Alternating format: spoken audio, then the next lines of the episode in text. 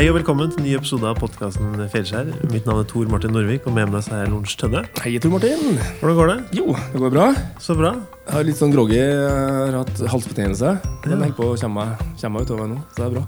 Ja, men det er fint Har ikke hatt det før, jeg. Har du ikke? Nei, det gikk jo faen meg ikke over. Så det er et sånn eget uh, kroppslig fjellskjær, Jeg skal love det. Proffen her feiler. Men så bra, Røns- Ranska litt opp. Ikke vet jeg. Men så bra at du er på vei til å bli frisk. Ja.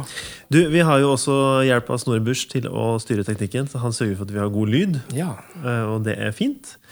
Men denne podkasten heter jo Feilskjær. Kunsten å tryne med stil og lære av sine feil. Hva, hva mener vi egentlig med det?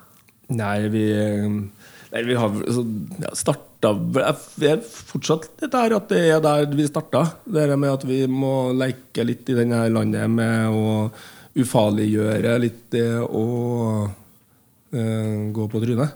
Sånn at vi gjør det litt mjukere for hver gang. Gjennom å prate om uh, feilskjærene.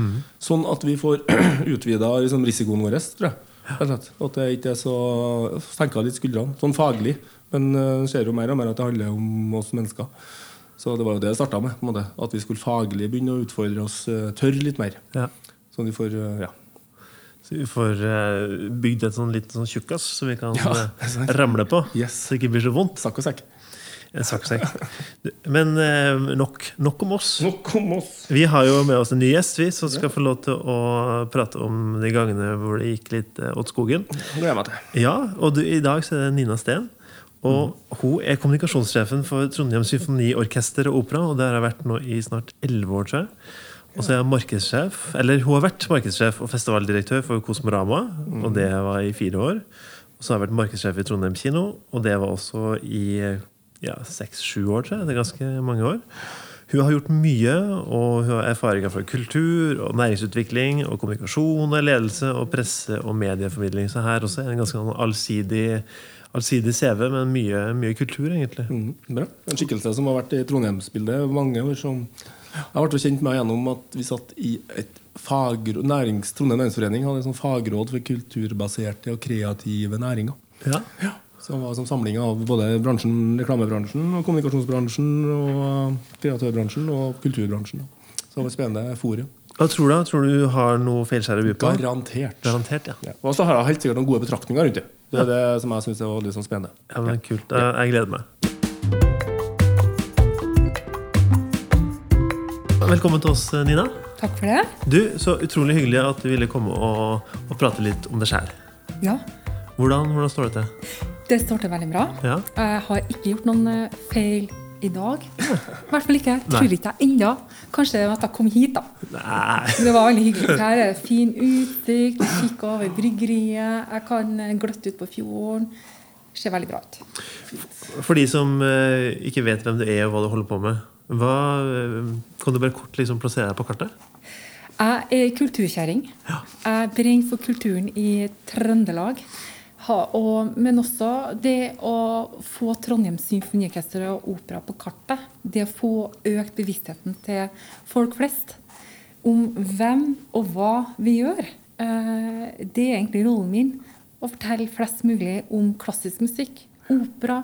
Det gjør jo utrolig mye fint. Og vi holdt det i Olavshallen. Der er det konserter hver eneste torsdag. Og det er liksom det å, å friste og skape magiske øyeblikk eh, med en, Det er jo en fantastisk arbeidsplass med 85 musikere. Og altså konserter veldig ofte av alle slags smaker. Så jeg jobber med kommunikasjon, hjemmeside, konsertprogram. Eh, ja, I det hele tatt eh, få ut informasjon om hva et orkester gjør i byen. Og at vi må være stolt over det orkesteret, og at man tør å gjøre noe annet og komme og besøke oss. Har ikke de vært der i fryktelig mange år? Sånn eh, fra nesten eh, starten av 1900-tallet? Jo, vi er jo 100 og noe år, ja. Og eh, vi har holdt på mange, mange, mange mange år. Ja. Og det har jo vært en rivende utvikling. Fra at det var bare, Vi satt oppe i Frimlosjen, hadde konserter. Eh, vi var aktive under krigen. Da var det også bare menn som spilte orkestre. Etter hvert har det kommet en god del kvinner til. I orkesteret i dag så er det om lag 22 nasjonaliteter. Det er fryktelig vanskelig å få seg jobb i TSO. Eh, det er liksom sånn eh, beste fotballaget. En må prøvespill, en må være på ballen, en må se om en passer, osv. osv. Mm. Og det å få en jobb i Trondheim Symfoniorkester Opera, det, det, det, er en bragd. Og det er sånn elitespill. Det er fulltidsmusikere, det? Sånn, ja, ja. Det er 100 eh, jobb. Jobb hver eneste dag. Vi øver hver eneste dag i Olavshallen fra ti til to. Eh, og vi har en generalprøve hver torsdag fra 10 til 1. Og så er det konsert klokka 19.30. Og eh, program hver eneste uke. I motsetning til f.eks. teatret, som skifter mye sjeldnere enn det vi gjør. Så våre musikere de må være fit for fight mm. når dirigenten går på podiet klokka ti på mandags morgen. Da sitter. Og da er det egentlig bare det kunstneriske som skal øves inn og kom på plass til torsdagskonserten. Så det er nytt repertoar neste uke igjen. Det er såpass, ja. ja så det, det, er, det er, effektivt. Det, vi gjør utrolig mange konserter, og ca. 100 konserter i sesongen. Og vi gjør mye for barnehager, barn og unge, talentutvikling. Uh, vi ønsker å jobbe enda tettere grad med næringslivet. Vi har hele verden som arbeidsplass, uh, og verden kommer til Trondheim. Så hver uke kommer det dirigenter og solister fra hele verden. Mm. Og det tror ikke jeg så mange tenker seg om at jøss, er det av det kaliberet?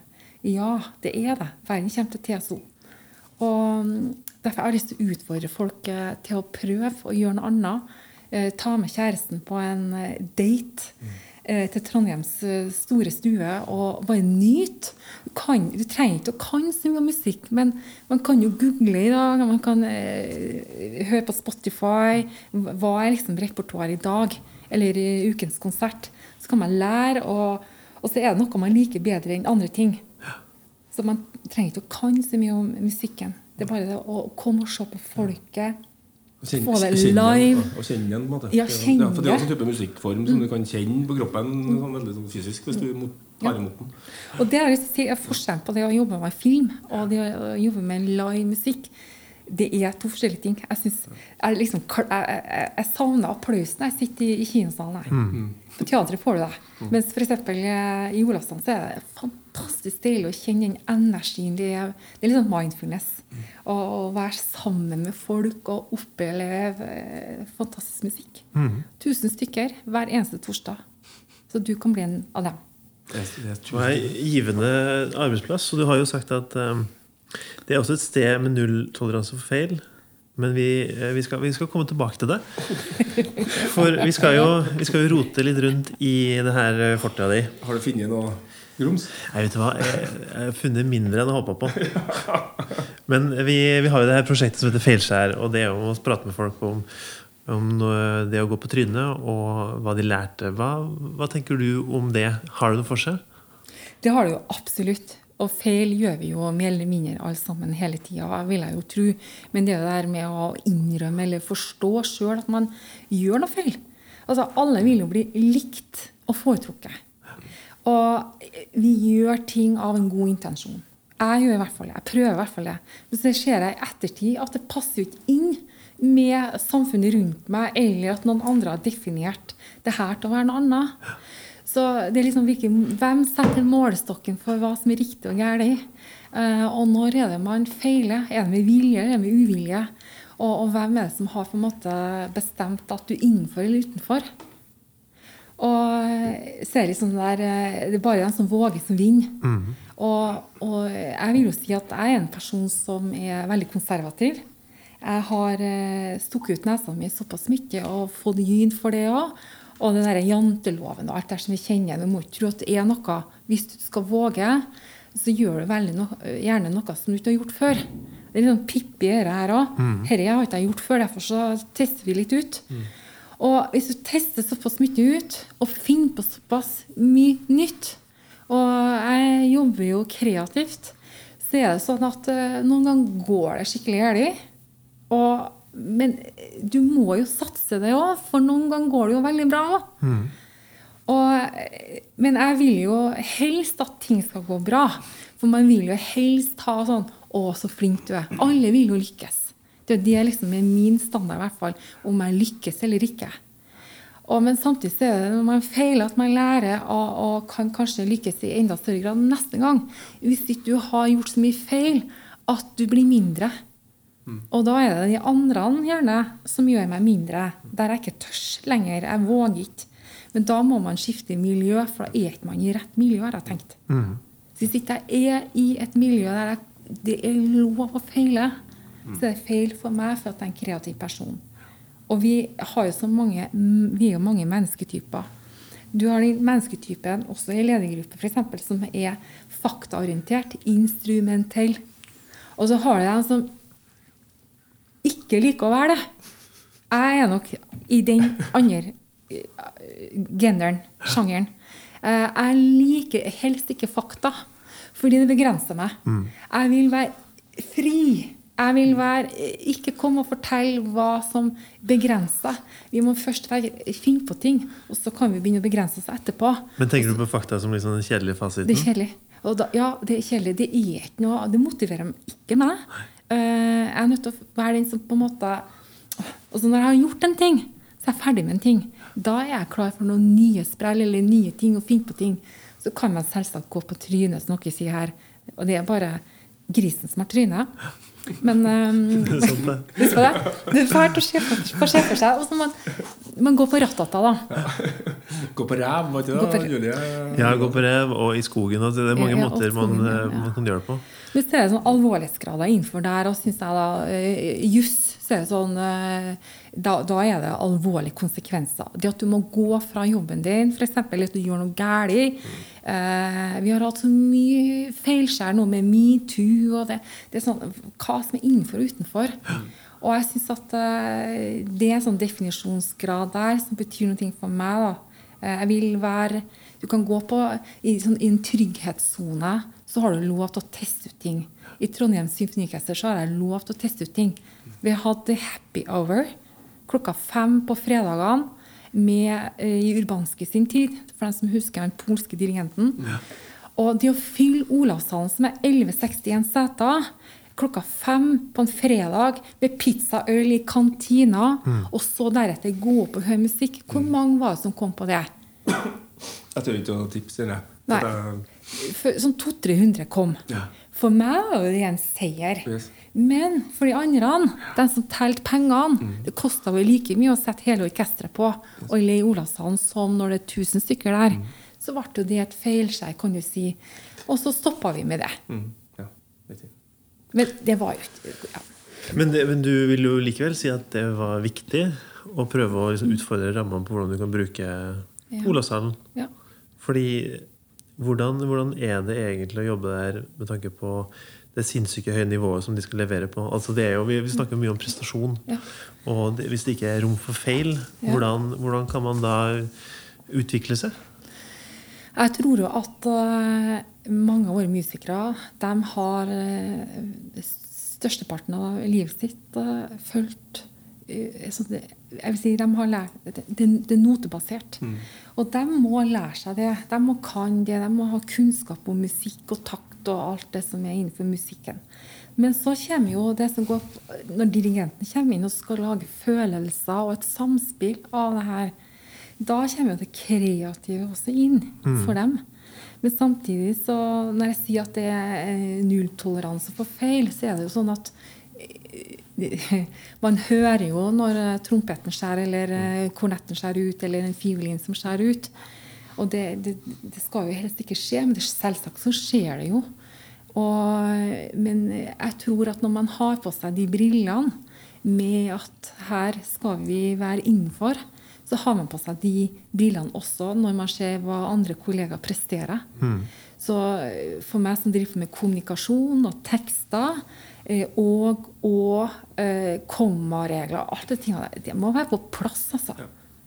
Og så er det også i forhold til forventning igjen av hvor, hva vi leverer. F.eks. på Facebook så er det for meg en lavterskel hvilke filmer jeg legger ut om orkesteret. Det er fra øving.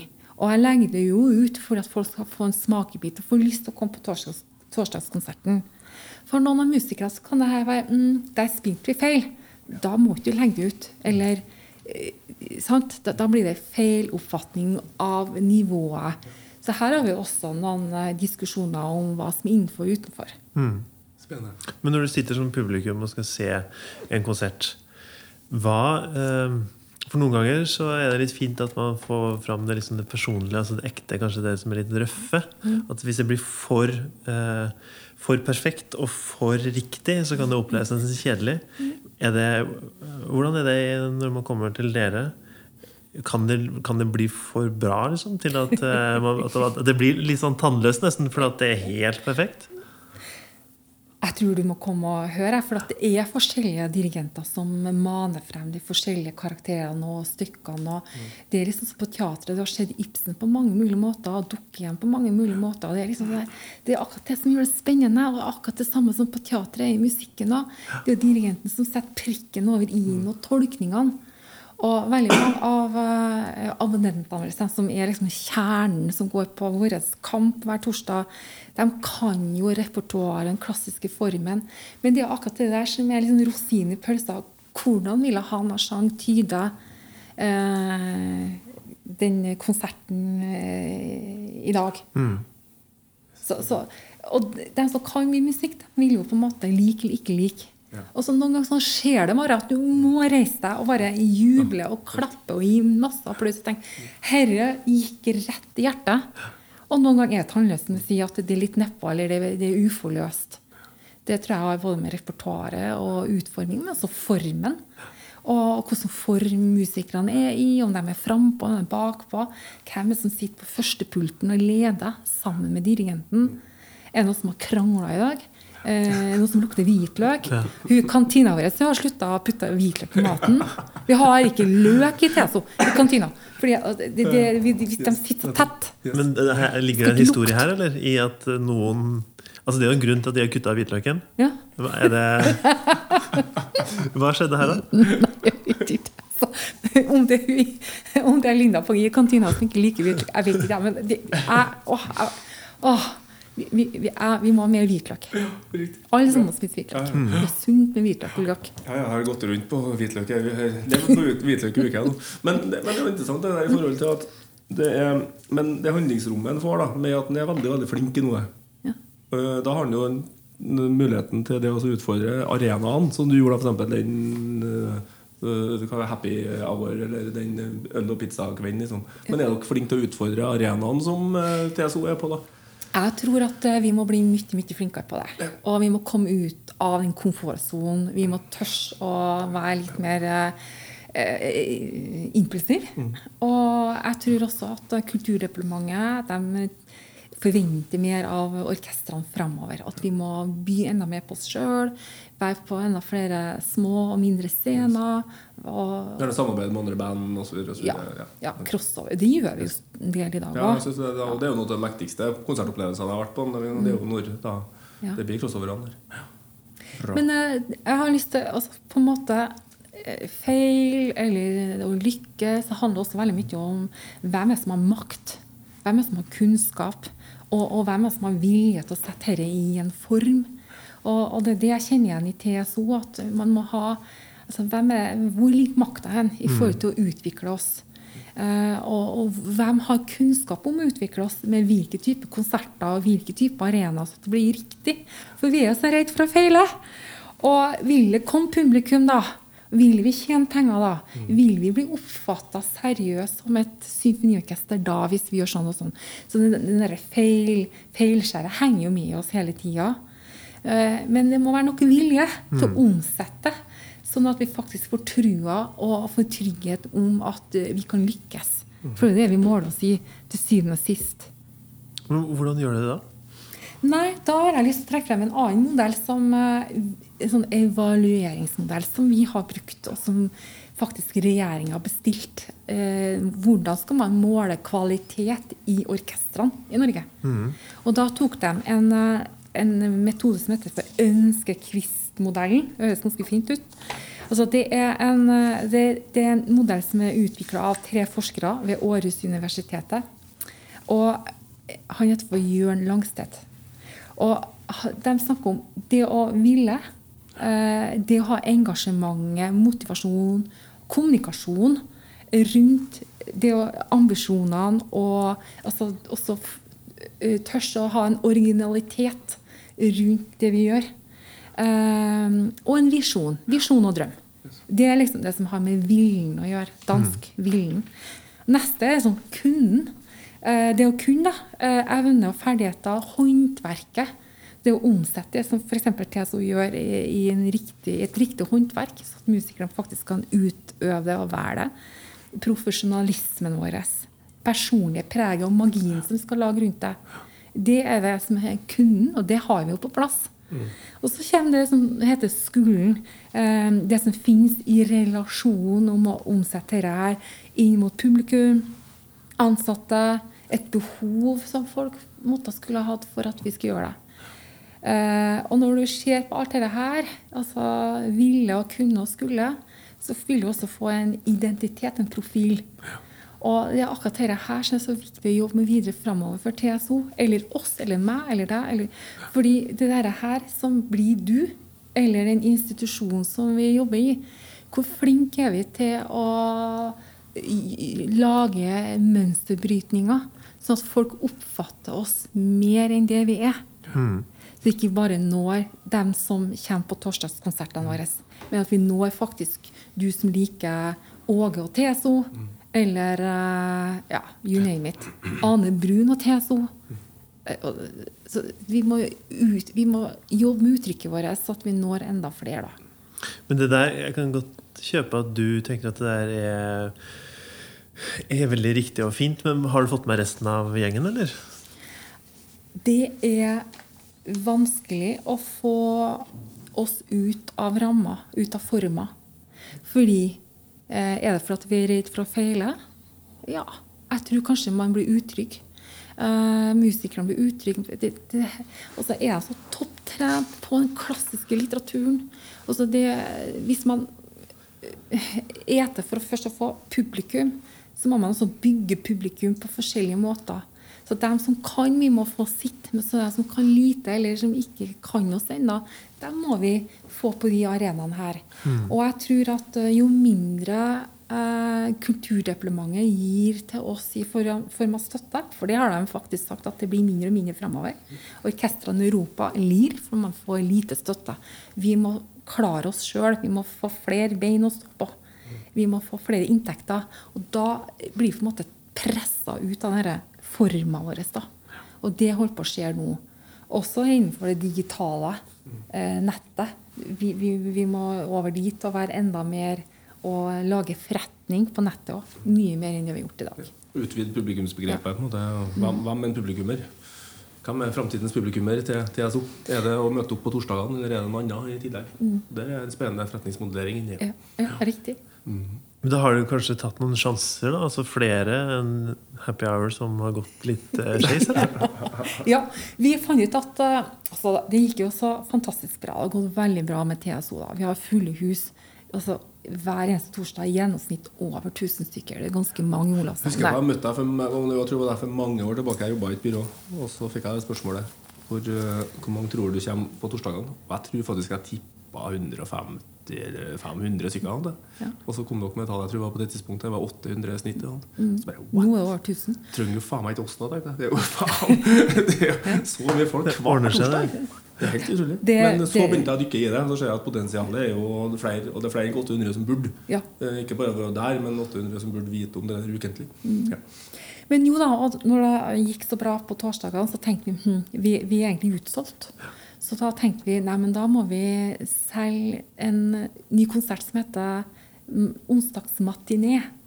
Og den må vi legge på formiddagen. Så da tok vi og spilte indrefileten av torsdagskonserten på onsdagene klokka to. Mm. Men hvem er det som kommer klokka to på en onsdag, da? Når konserten varer to til tre? Eh, det er ikke dem som jobber på skift. Det er ikke dem eh, De som går på SFO?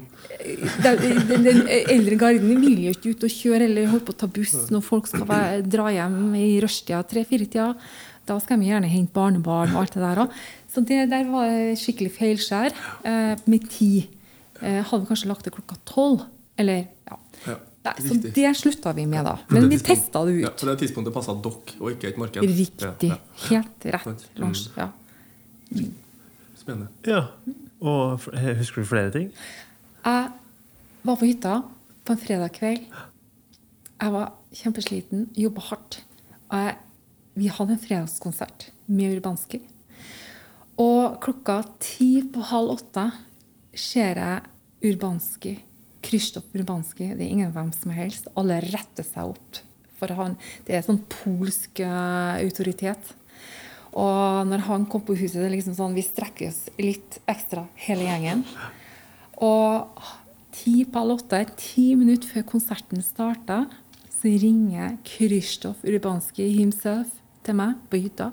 Satt med familien, skulle gå i gang med middagen. Spise middag. Så tar jeg telefonen, så sier jeg hello. Nina, why did you use this picture? I told you it was not to be used in this concert program. Og jeg sa ja, men vi var jo enige om at det var det bildet vi skulle bruke. No, I told you this. Og, og jeg tenker Herre min da, han er pissed når han ringer meg ti minutter før han skal inn og dirigere. Når jeg vet at han står og liksom øver inn i siste og gjør seg klar. Og han, alle har jo sin greie før man skal ut og sant? Og det, nå er han forbanna. Nå er han skikkelig forbanna på meg. Og jeg kjente bare at jeg smelta i telefonen. Jeg bare liksom gikk opp i vann hele meg.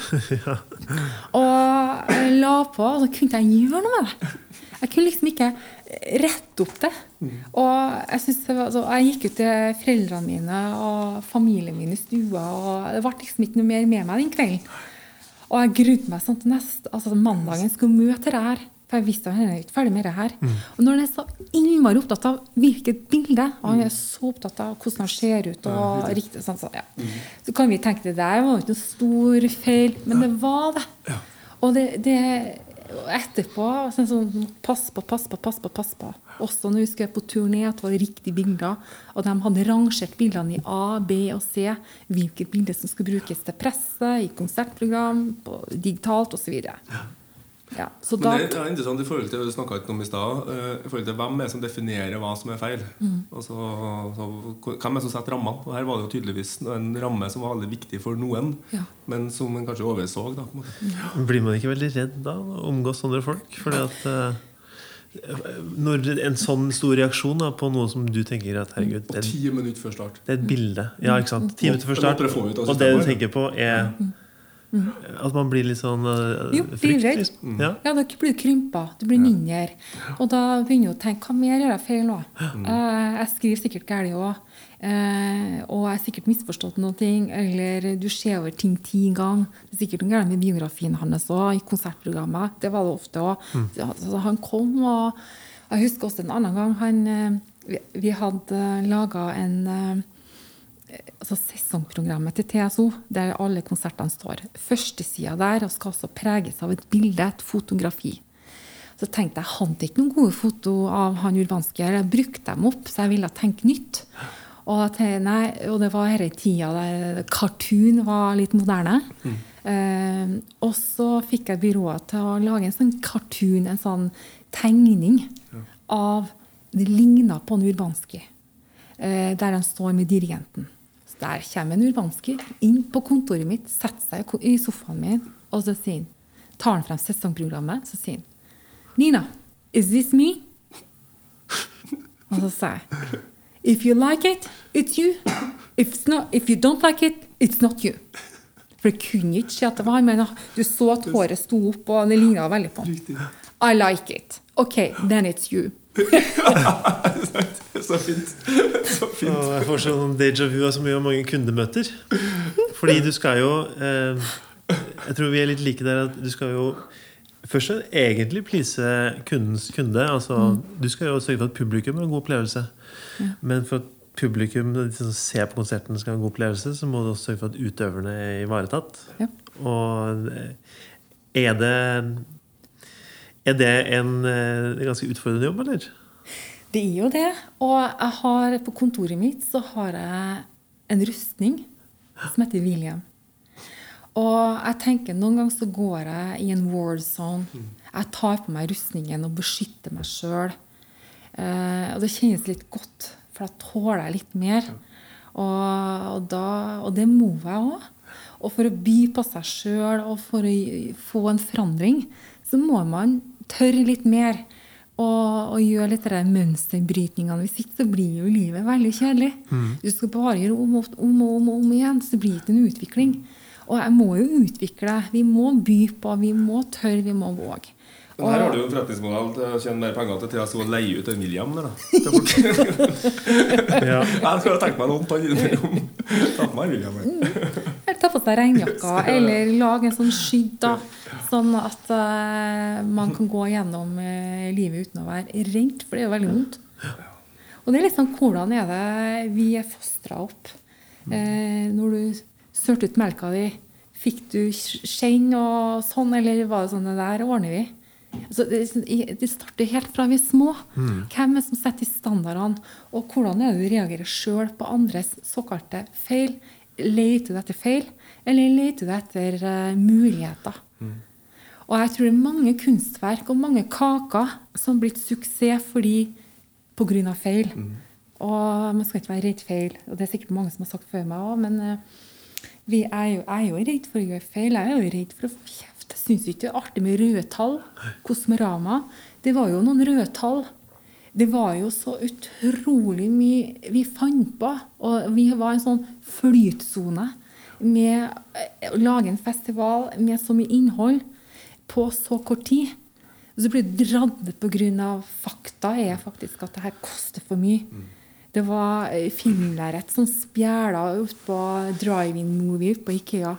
Det var mageplask så holdt i pirbadet. Jobben din var jo å få kinoen ut av Eller filmen ut av mørket. Riktig. Ja. For du, du ble jo markedssjef gjorde du for Kosmorama. Første året var jeg markedssjef, og så var jeg festivalsjef de Ja. tre neste årene. Det starta òg med en enorm politisk vilje, det, gjorde det ikke? Ja. Kosmorama. Med Trond Giske i Ja, ja. Yes. og, og selvsagt også Trondheim kommune.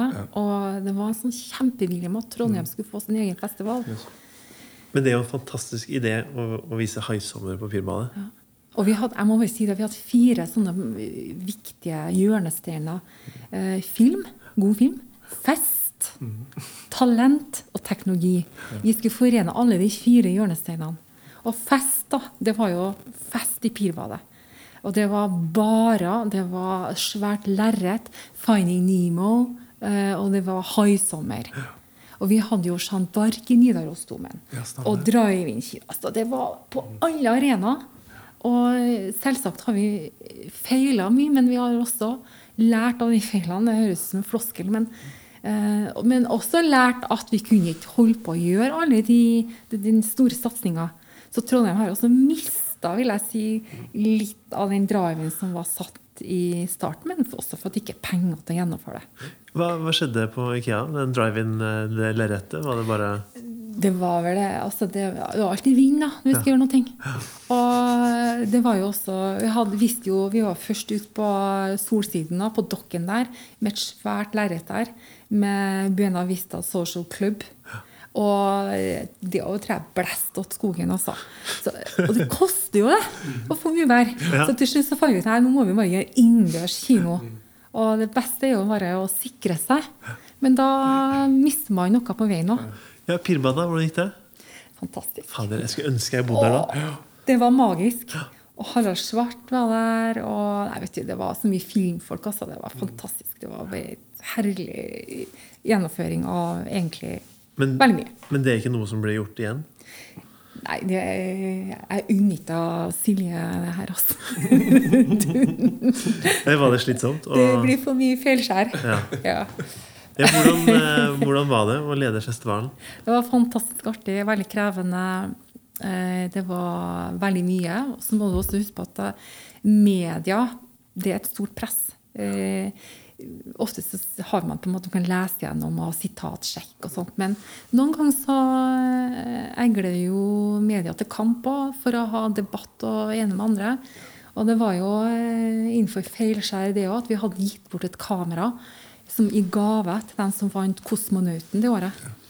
Og fordi et kamera, det nye kameraet ikke hadde kommet innen tidsfristen, så måtte vi låne gi bort et Sony-kamera som var veldig, veldig bra, til vinnerne for syns skyld. Så sa vi at dere får overrekke det her, men det er et lånekamera til dere får den ordentlige premien. Og de gikk opp til avisa og sa at eh, det ble snutt for eh, sånn og sånn. Og det var kjempekjør, altså. Ja. Så det, når du først er i det, og at du, du må stå til rette for også alt du sier og gjør, et styre eh, Det skal være innenfor. Det skal være korrekt. Og så var jo det en sånn Du, sa, du nevnte jo at det var noen politikere i stad som gjorde det til som gikk all in. Og Ja. da Det var en typisk festival som jeg opplevde da, som inviterte Det ble, ble satt veldig stort. Og så da inviterer en samtidig med noen og sier ja, men da skal vi faen meg se dere kortene òg. Og media tok nok litt den rollen på hvorfor. Hvorfor er det her? Hvorfor skal vi bruke penger på det? Hvorfor er det så viktig? Og hvorfor plutselig er det her? på en måte. Ja. For litt, ja. Det er media på godt og vondt, men Ja. uh, mye bra. Så når det kommer til sitater, så jeg fant et sitat av deg uh, hvor uh, Kosmorama skal bli den største filmfestivalen i Norden innen 2010. Og det sa du i 2006. Ja, Hvordan gikk det? Vi var, jo, vi var jo veldig store. Altså, vi tok igjen Olavsfestdagene på veldig kort tid den gangen. Men eh, når vi måtte begynne å ta vekk eh, arrangementer, særlig utearrangementene Selvsagt når det er en utekonsert som tar eh, 1000 stykker, eller sånn som Pirball og store arenaer, drive-in-kino Når må plukke vekk dem, så plukker du også bort publikumsgrunnlaget i forhold til antall kinosaler du har, og hvor mange plasser du har der. Så nei, nå, må, nå er stafettpinnen for lengst gått til mange andre. Ja. Så det viktigste mener jeg for filmfestivalen i Trondheim i dag, det er jo å, få se kvalitetsfilm. Eh, møte andre, møte arena, kose seg, komme seg ut osv. Det er filmen som står i sentrum. Og det er det ja, Men for meg som litt sånn passiv eh, filminteressert, da, så likte jeg jo veldig godt i starten der at dere utfordra arenaen det ble vist på. Det som vi snakka om i stad med TSO, på en måte, at det å utfordre arena hele tida Ja. gjør 18 år ei ny gruppe. da på en måte Sånn som meg. Som eh, verste jeg vet med en film, er at jeg ikke kan stikke av midt underveis. Litt sånn som på en festival på konsert på festival, så kan du bare gå midt underveis. Så kan du bare gå og kjøpe deg en øl eller se på noe annet. Men det, ja, det som jeg syns er magien med Eh, det. Jeg fikk huske på den gangen jeg var på Kosmorama og følte jeg var på festival og ikke på kino. Det var en sånn, sånn sterk opplevelse for meg. Det å bare ha mul at det er min, jeg som bestemmer sjøl hva jeg skal se.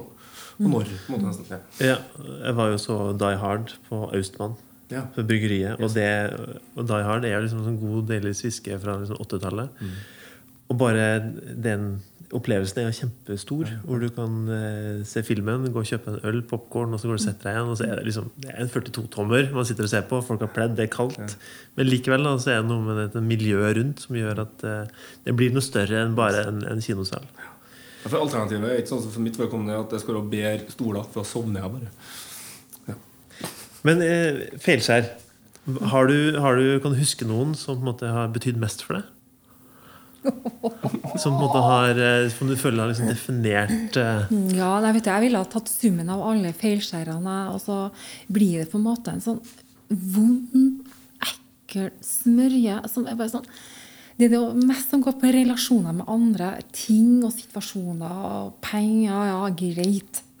Men når du faktisk sier noen ting, sårer noen, noe som faktisk griper inn i noen andres mennesker, som forandrer et menneske for at du har såra noen, og som du skjønner etterpå at «Å, her har jeg virkelig trampa over, det er det vel største feilskjæret mitt, og det vondeste feilskjæret. Eh, Det kan være kollegaer, det kan være unger, det kan være den du bor sammen med. Det der at du ser at du gjør en forandring, at du har skada noen fordi du har gått ut hardt. Eh, også kanskje for å beskytte seg sjøl, eller for at man ikke vet bedre. Det er det vondeste feilskjæret. Men hva finner du av lærdom der, da? Nei, det er jo litt der balansen i livet, da. Og puste, da, vet du. Og prøve å legge seg litt uh, tilbake og se hvem jeg har foran meg. Hva er det mennesket Hvordan, hvordan skal jeg gripe an den situasjonen her? Det her handler også om det å få venner. Det er mange som er ensomme i dag. Og hvorfor er vi ensomme? Eh, er det fordi jeg ikke er likt? Er det fordi jeg ikke byr nok på meg sjøl? Er det for at jeg ikke er sånn som de andre ønsker at jeg skal være? Eh, eller er det for at jeg er for mye av det som de ikke er? At de takler ikke meg? Mm. Her er så mange spørsmål da, som også jeg syns er på en måte en um, viktig samfunnsdebatt i dag. Eh, hvor jeg ser at generasjonen som kommer nå, som er online, eh, også lærer seg å få en helt annen atferd og attributter på egenskaper som faktisk ikke er det mora mi og besteforeldrene mine lærte. Mm. Så vi, vi, får så mye andre ting innenfor robotiseringa og hvordan forståelsen for å være sammen med andre mennesker blir forandra. Mm. Um, Men har du, har du, to roller? Har du den Nina som er på jobb, og den Nina som er hjemme? Eller føler du at du, det flyter litt over hverandre? Det er veldig likt, på en måte. Jeg, klar, jeg er Nina som Nina. Jeg er den umiddelbare både her og der. Og jeg klarer ikke å skille mellom det. Og for meg så er det viktig å være sann. Så sannferdig som mulig. Mm. Men også være nok en ærlig person. Eh, på godt og vondt. Eh, det viktigste for meg er at de folkene både hjem og på jobb at de føler seg trygge på hvor de har meg. Og at vi sammen skal bygge båten og fære ut i, på havet med eller uten holdt på å si, GPS-mast. Sånn at vi kommer oss i havn. Eh, og det der er litt sånn uh, artig øvelse i forhold til hvilket mannskap har du. Mm. Og hvem er god på hva, og hvordan kan jeg få frem det beste i folk. Men også begrense noe av meg sjøl i forhold til det. Ja. Vi går jo litt eh, baklengs nå, egentlig, i, i CV-en din. Fordi eh, hvis vi går før Kosmorama, så var det jo på Trondheim kino. Og der også var det ganske mange år. -hmm. Hva Er det noen hendelser du kan trekke fram der som du tenker liksom er relevant for det vi snakker om nå? Jeg husker første gangen eh, Egil Akselsen, som var kinosjef den gangen, sa Nina, nå må du snakke med NRK. Du må ta det intervjuet her. Og jeg var markedssjef. Og jeg har aldri blitt intervjua før. Og jeg grudde meg. Jeg grudde meg. Jeg grudde meg. Og det kom eh, han Journalisten kom. Jeg husker ikke navnet på nå. Han eh, så jo at jeg var kjempenervøs. Eh, og jeg var jo redd for å gjøre feil. Jeg var jo redd for å si feil. Jeg var redd for alt, egentlig. Hvordan ville dette høres ut? Og jeg hadde sånn pipestemme som du får når du blir nervøs. Du går helt opp i pistel. Og klarte ikke å puste. Og jeg hadde jo glemt alt hva jeg skulle si. Og, og, men han hjalp meg. Og han var så god, og han nikka, han smila, han var varm. Ja. Og så gikk det greit. Men jeg torde aldri høre på det. Sant? Det er jo litt sånn Men redd for å gjøre feil. Det husker jeg veldig godt den første gangen. Ellers uh, husker jeg. Det begynner å bli så mange år siden. Men da, da var du sjef, var du ikke det? Markedssjef i Trondheim kino. Jeg, men Kosmorama var mye annet, da. Men hvordan, hvordan, kan det være sjef og være redd samtidig? Jeg, jeg føler at det har det vært enkelt å, å prate om det, være ærlig om det, liksom? Ja, jeg tror at jeg prater ganske mye om det, ja. Men eh, det er jo en av den der eh, profilen, da. Du vil fremstå som uh, ufeilbar og sikker og skal bli likt og gjøre jobben riktig og korrekt. Og igjen at du skal være en del og altså akseptert. Skal være interessant nok, flink nok. Flink pikesyndromet har jeg i hvert fall vært eh, hatt eh, opp gjennom alle årene vært forberedt. Du skal, sant? Du skal kan tingene dine. Mm. Da har du, er du fortsatt eh, like redd for å gjøre feil, eller blir det Har du blitt bedre? Nei, det er nesten sånn at med årene så du, har du mye mer erfaring. Men samtidig så skal ikke man kimse av rockisene, de nye, de som kommer nå, også, som er nye på banen. For at de gjør grundig forarbeid det, det der eh, å ikke ta noen snarveier fordi du har erfaring. Og er, med erfaring så har man gjort før. Men, og det er litt farlig å komme inn der, for da blir du litt fort også eh, satt til sides. Du må være litt nyfiken fortsatt. Ja. Du må være nysgjerrig. Og du må tørre å spørre, og ikke tenke at 'dere kan jeg'. Mm. For det er ikke sikkert du kan det. Du må sjekke ut ting. Så man ikke hoppe over det som er sånn, uh, viktig å få med seg fortsatt. Og ikke tro bare at du kan for at du har erfaring. Så må jeg bare spørre kjapt om eh, når du har vært Det her er kjempelenge siden, men eh, når du var prosjektleder i Scanpartner. Fordi du hadde da ansvar for VM på ski i 97, og så tusenårsjubileet i Trondheim. Men også det her bysykkelprosjektet. Og jeg tenker et prosjektlede noe. Det er garantert eh, det må, Noe må jo ha skjedd. Ja, ok, da. Ok, da. Ok, da. Ok da, Jeg må bare, jeg må jo bare flire. Altså, jeg kom jo til Scanpartner plenum, og det var VM på ski, som du sier. Og jeg ble satt til å bestille arenareklame for alle sponsorene i VM på ski. Det var mange arenareklame. Det var tusenvis av meter med arenareklame. I tillegg til å, å holde på å styre med det der, jeg kunne jo ingenting om reklame i hele tatt. Sånne skilt. Jeg visste ikke hva det var. Og så er jeg ikke noe særlig god på meter heller, da. Å finne hvor mange meter ting. Altså, jeg har ikke peiling på det der. Og så de ga meg en sånn hva heter det, sånn målestokk. En sånn, Og så skal jeg finne ut hvor mange meter vi skal ha dit og datten, og måle ut. Helt elendig. Og på verste var da, de sendte meg på toppen av hoppbakken oppe på Granåsen. Fordi hun Grete Ingeborg Nykkemo, som var markedssjef i VM på ski den gangen, de skulle ha, Det heter noe av det skiltet som står bak hopperne, vet du. Okay, ja. Sånn med logoer på. Det som er som er bak uh, satsen i bommen. Ja, er riktig. Mm. Så jeg måtte gå opp helt opp på toppen der. Jeg har jo høydeskrekk. I tillegg til å huske å ha med meg denne målstokken. Og så skal jeg ta mål av denne skiva der for å lage logoer oppå. Der er bratt, altså. Rett ned. Oh, yes. Det var et stort feilskjær. For det første skal, hadde jeg ikke noe på toppen der å gjøre. Ikke kunne jeg bruke målbånd. Eh, helt. Hele greia var helt feil. Og så skulle jeg liksom la som at jeg kunne. Så skal jeg gå tilbake til VM på skikontoret som holdt til i Søndre Gate og fortelle. Jeg visste jo ikke ord og uttrykk engang. Men jeg brøy meg på. Jeg ringte. Jeg husker Fittoreng var en kjempestor sponsor. Jeg hadde møter i hist og pist. Alt de skulle ha. Av sånne rundt lyktestolper og på biler. Bilreklame. Sånn hel Hva heter det? Foliert Ja, bil. helfolie.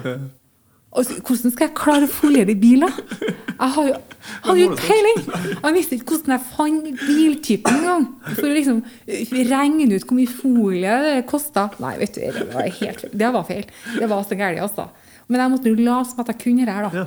Men det, det, det ble jo gjennomført. Ja, ja, jeg kjente meg Det har jo vært et VM her, så det er jo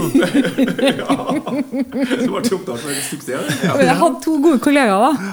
Så jeg fant ut at det det gikk bra med relasjonene. Ja. Jeg kunne liksom få, jeg ringte og booka møter, det fikk jeg til bra. Men derfra var det stopp. Da måtte den Iver og eh, ta over og hjelpe meg med resten. Kom det noen feilleveranser? Ja, Fikk du ja, og det var Det dyrt. var noen meter for mye. Det var mange meter for dyrt. Det ble skrota. Det var jo sånn aluminiumsblekk. Det var ikke bare bare feil heller. Nei, det var trasig. Det var så trasig, altså. Det var ikke komfort. Som gammel skihopper så tør jeg ikke sjøl å gå på toppen der lenger. Så det, Men, eh, men fikk du da eh, ansvaret for Trondheim by etterpå, eller? Trondheim Bysykkel. Nei, tusenårsjubileet? Det var, altså Da var det rett og slett også arenareklamen for eh, tusenårs... Ja, det jobba jeg òg mye med. Hadde meter der òg? Metervis der òg. men på bakkenivå. Ja, men ikke bare det. fordi Helt nesten til nylig, vil jeg si, så husker dere i Nordre gate så hang dere skiltene eh, med Det var sånn gatereklame. Det er over som henger fra bygg til bygg. sånn. Ja, riktig. Og som de har brukt mye annen type dekor på etterkant. da. Men jeg fikk jo i oppdrag å lage denne arena, eller den reklamen i Nordre gate som hang over i, oppi gata. Det skal jo heller ikke ramme ned hodet på folk. Og det å ta kontakt med Nordre gates vel og få til dette her, og så regne ut Og at det ikke skulle ramle ned. Og vekt ikke min, min styrke, altså. Men det hang jo faktisk i mange år. Ingen fikk jeg med det. Nei. Hang i tusen år. Og bysykler, da? Det Altså, jeg må bare si jeg fikk besøk av noen amerikanere her på torsdagen. Og jeg lasta ned appen for første gang. Det har jo vært en rivende utvikling.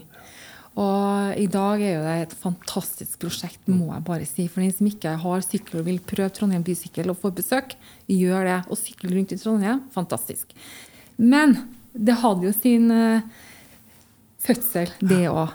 Terje P. Iversen, som var da en leder for uh, Scanpartner, han, vi måtte jo finne på prosjekter. Og det var jo fantastisk å jobbe med han, for han fant på mye artig. Deriblant Trondheim bysykkel. Og jeg ble prosjektleder for det. Det var en trang fødsel. Eh, syklene kom. Vi solgte, inn, solgte reklame på syklene, og de var stasjonert. Men det var jo, det var jo sykler overalt. De tok jo syklene med seg overalt. innpå Lade, og det var ikke noe sporing den gangen. Vi hadde ikke noe system for det. Så det å få ei lastebil bare til å fære og hente syklene De lå jo slengt nedi elva rundt omkring. Plutselig var det ikke en eneste omtrent en sykkel igjen i Trondheim. På leid sykler, ja. Ja. Ja, uten sporing. Det er jo helt umulig. Ja. Men det var, det var starten på Trondheim bysykkel. Men hvordan eh, Det er jo godt gjort da, at eh, de klarer å iterere og utvikle det. For at det systemet som er i dag, ligner jo ikke det helt på det da. Men det er det som er så herlig. altså Hadde ikke vi tort og våga, så hadde vi hatt kanskje jo, mulig hadde det i dag, da. Men det var starten på noe som ble veldig bra. Men det er noen som har feila virkelig på veien til dit det er i dag. Og der har vi fått fantastisk god hjelp av teknologien. Eh, det, men det er herlig. Jeg synes det var sånn deilig å faktisk ta i bruk Trondheim bysykkel her eh, før helga. Det er et fantastisk tilbud. Mm. Jeg bodde der jeg også, brukte det ofte. Og så har vi et spørsmål som vi gjerne stiller helt til slutt. Og det er liksom, hva er ditt neste potensielle feilskjær? Må jeg, vet du hva? Vet du hva det er? Det har jeg tenkt ganske mye på. Ja. Fordi det er litt privat, da. Men uh, jeg har Jeg er så glad i å gå i fjellet. Jeg er så glad i naturen. Jeg elsker å gå fjelltur. Men det er som å gå på to stokker Jeg har altså to knær som ikke funker helt sånn. Jeg er sånn proteseknær. Så mitt neste potensielle feilskjær er å gå opp til å klatre Kilimanjaro og titte inn i den treeska som inneholder en bok med opplevelser og tanker til dem som klarer å komme seg dit. For jeg er så nysgjerrig for hvilke opplevelser og tanker er det de har skrevet inn i boka, som ligger altså oppå Utterud Peak. Ok, jeg tar det. Er ikke det en fantastisk reise? Vil dere være med meg dit? Ja. Har, eh, vi, det er ikke For et par år siden vurderte vi å gå Kilimanjaro. Og eneste grunnen til at ikke vi gjorde det, var fordi at eh, det er kostnader å komme seg dit. Og så er det med at det er, det er ikke alle som kommer på toppen. For det er ikke den verste stigninga, men det er noe med at når du først kommer dit, så kan du bli sjuk. Eh, Og det, det, er jo ikke, det er jo ikke Mount Everest å snakke om. Det er ekstremt mange som går på Kilimanjaro. Men det er at den utgiften en risiko da, å ta og betale liksom 30 000 for å komme dit, for å så finne ut at å, du takla, ikke høydemeteren. Det er det som liksom holdt oss tilbake. Men da var du redd for feilskjær. Ja, og så var jeg redd for det. Og så var det at uh, penger som jeg ikke hadde Som jeg liksom ikke kunne risikere å miste. da Men jeg tenker at hvis opplevelsen i seg selv hadde nok blitt større enn eh, hvor surt det hadde blitt. Tror det. Ja, Med de knærne jeg har også, tror jeg nok eh, Men det er litt artig å tenke det. Og hvordan kan man forberede seg? Og hvordan kan jeg overvinne både frykten, og hvordan kan jeg trene meg opp? Og, altså Det å ha de drømmene og målene, det, det må ikke vi slutte med. Vi må finne drømmer. Og, og, og jeg lever for drømmer. Jo, men det der var en kjempefin eh, potensielt feilskjær. Jeg håper virkelig at uh, du kommer deg helt opp. Og om du kommer til foten eller eh, roten av fjellet, det er jo Opp til kneet. Mm. til kneet. Opp til kneet Så Ja, er jeg er fornøyd. Har du lyst til å gi oss en uh, liten opp, uh, oppsummering? Ja, vi, uff, det, uff, du stiller meg spør, spør om det hver gang. du. Jeg jo- Jeg glemmer jo å tenke på det. Jeg må jo passe på at du har liksom fulgt med. Ja, så- Nei, men Jeg liker det veldig godt. Det det har vært mye tanker her nå, i forhold, ikke minst i forhold til avslutninga, som Nina sier, og i forhold til det med kobling mellom drømmer og med feilskjær. Og, men jeg likte egentlig mest og best synes jeg som personlig det med hvem er det som definerer hva som er feil. Og det, og det med at det er noe så noen, Ofte så kan det kanskje noen feilskjær som Hvis man ser tilbake på noen samtaler vi har hatt også, Det kan være ofte om timing. Men så handler det om eh, Jeg liker ikke ordet jantelov, men det er jo med at det eh, ja, om, om blir du unna eller ikke. Er du i posisjon til det? Og hvem er det som skal definere hvem som er i det? på en måte Så jeg likte veldig godt den tanken. Altså det at en må hele tida jobbe og se på det med altså, hvem, er som, hvem er som måler kvalitet? Hvem er det som definerer hva som er feil og hva som er riktig og galt i et samfunn som er rundt, rundt oss? på en måte Så jeg tror man går i historier der som ja. Så, og så har jeg litt sånn eh, likt hva Lina sa i forhold til litt sånn min livsfilosofi og at vi, vi mennesker vi er altså vi mennesker vi er trygghetssøkende. Så vi, så min holdning er at vi lander alltid på fotene. da. Vi hopper ikke av, ut av et fly hvis vi ikke vet at vi har en fallskjerm. Så de må å snu på ting det som er litt som å utfordre faget og utfordre fakta. at Er det en ting som er stabilt, så er det fakta. Og det er for meg en fallskjerm. Ergo, begynn å, ikke begynn med fallskjermen. Ikke begynn med fakta, men begynn med noen ideer, begynn med noen konsepter, og prøv å utfordre. For vi kommer alltid til å tilpasse oss det som er trygt, så at vi lander på fotene. Som da for eksempel, så vi må så liksom da snu på ting. da. Altså Det å forholde seg til ideer og konsept og gode kommunikasjonsmodeller og til å tørre å teste. For at vi lander jo alltid, vi kommer til å forholde oss til faktaene. Vi kommer til å forholde oss til ja, halvskjermen til slutt uansett. Ja, for det er ikke det, det som ikke lander, det bare dør ut. Ja. Det, Vi kommer ikke til å sette i gang noe som vi, ikke, som vi til slutt ikke har eh, rot, gro, grobunn i noen realitet. Da. mm. Så er det en mann som har feila før oss. Han sa du skal få en dag i morgen som ren og ubrukt står, med blanke ark og fargestifter til. Riktig. Og da kan du rette opp alle feila fra i går. Og da får du det så godt i morgen kveld. Så fint. Han Alf, vet du. Da har vi kommet til den delen av podkasten hvor vi spør om hva er det som har folk, eh, gjort folk glad. Altså, så da spør jeg deg, Nina. Siste, siste uka, kan du komme på noe som har eh, gjort dagen din litt ekstra lys? I 83-84 så var jeg utvekslingsstudent i Elkhart, Indiana, USA. Det var et ja, både på godt og ondt år. Jeg, jeg måtte skifte familie. Jeg kom til en familie som ble min beste venninne. eh, Nancy Wilcom. Hun var jeg henta, og søstera Ann Wilcom, på Værnes forrige torsdag. Og eh, jeg har ikke sett Ann på 34 år. Oi. Og det var liksom så fantastisk magisk. Og jeg var så glad for at eh, vi bare fant akkurat samme tonen som vi hadde for så mange år siden. Og masse minner. Og vi lo, vi flira. Vi for rundt omkring hele Trondheim her eh, i plaskeregn. Gjorde ingenting. Eh, og jeg tenkte, i tillegg til at vi hadde masse gamle minner som vi levde på enda, og som var viktige for dem òg, så laga vi nye minner. Og igjen, altså, det å, være, å ha venner og flir, spise god mat, oppleve ting sammen, by på seg sjøl uten at det trenger å være så veldig planlagt. Det er bare å være til stede her og nå. Eh, Det gjorde meg utrolig glad. Fint. Men du har lunsj? Det første at det er litt det samme Nei, det er ikke helt samme. Men jeg har eh, hatt eh, For første gang på fire og et halvt år snart, så har jeg vært borte fra min sønn i 12-13 dager. For han har vært på 11, kanskje. Ja, vært på ferietur. Og han kom tilbake igjen i går. Og jeg kjente jeg gjorde noe sånn helt enormt. Jeg grudde meg litt. Og alt sånt, litt sånn rart. Men det var litt sånn hva Nina sa nå. Altså, jeg var så opptatt av at da må vi ha noen plan. Men det var bare åpen, for at han hadde jo helt enormt mye å fortelle. Mm. Derfor så ble det bare helt sånn fantastisk kveld. Så jeg var litt sånn nyforelska i min egen sønn i går kveld. Så det er egentlig var det eneste jeg klarer å tenke på nå. At jeg har en sånn veldig sånn god følelse i meg pga. det. Gjensynsglede. Ja. Ja, Og det med at gi rom for at han bare skulle være. Ikke ha sånn spikra senk skuldrene dine. Tenk mye på det før også. Husk å senke skuldrene dine når du er en bra far, sjøl om du ikke har masse planer. For han hadde jo masse ting å fortelle. Så det, og ja, få brukt tid på det. Så det var veldig fint. Det var kjempefint. Ehm, Jeg har eh, Ja, det her er jo litt eh, overfladisk igjen, da. Men det er jo et serietips. Eh, Jeg har jo, det er en serie på, på Netflix som heter for Stranger Things. Men det er ikke den jeg skal snakke om. Det er en, det er en serie som heter for Dark.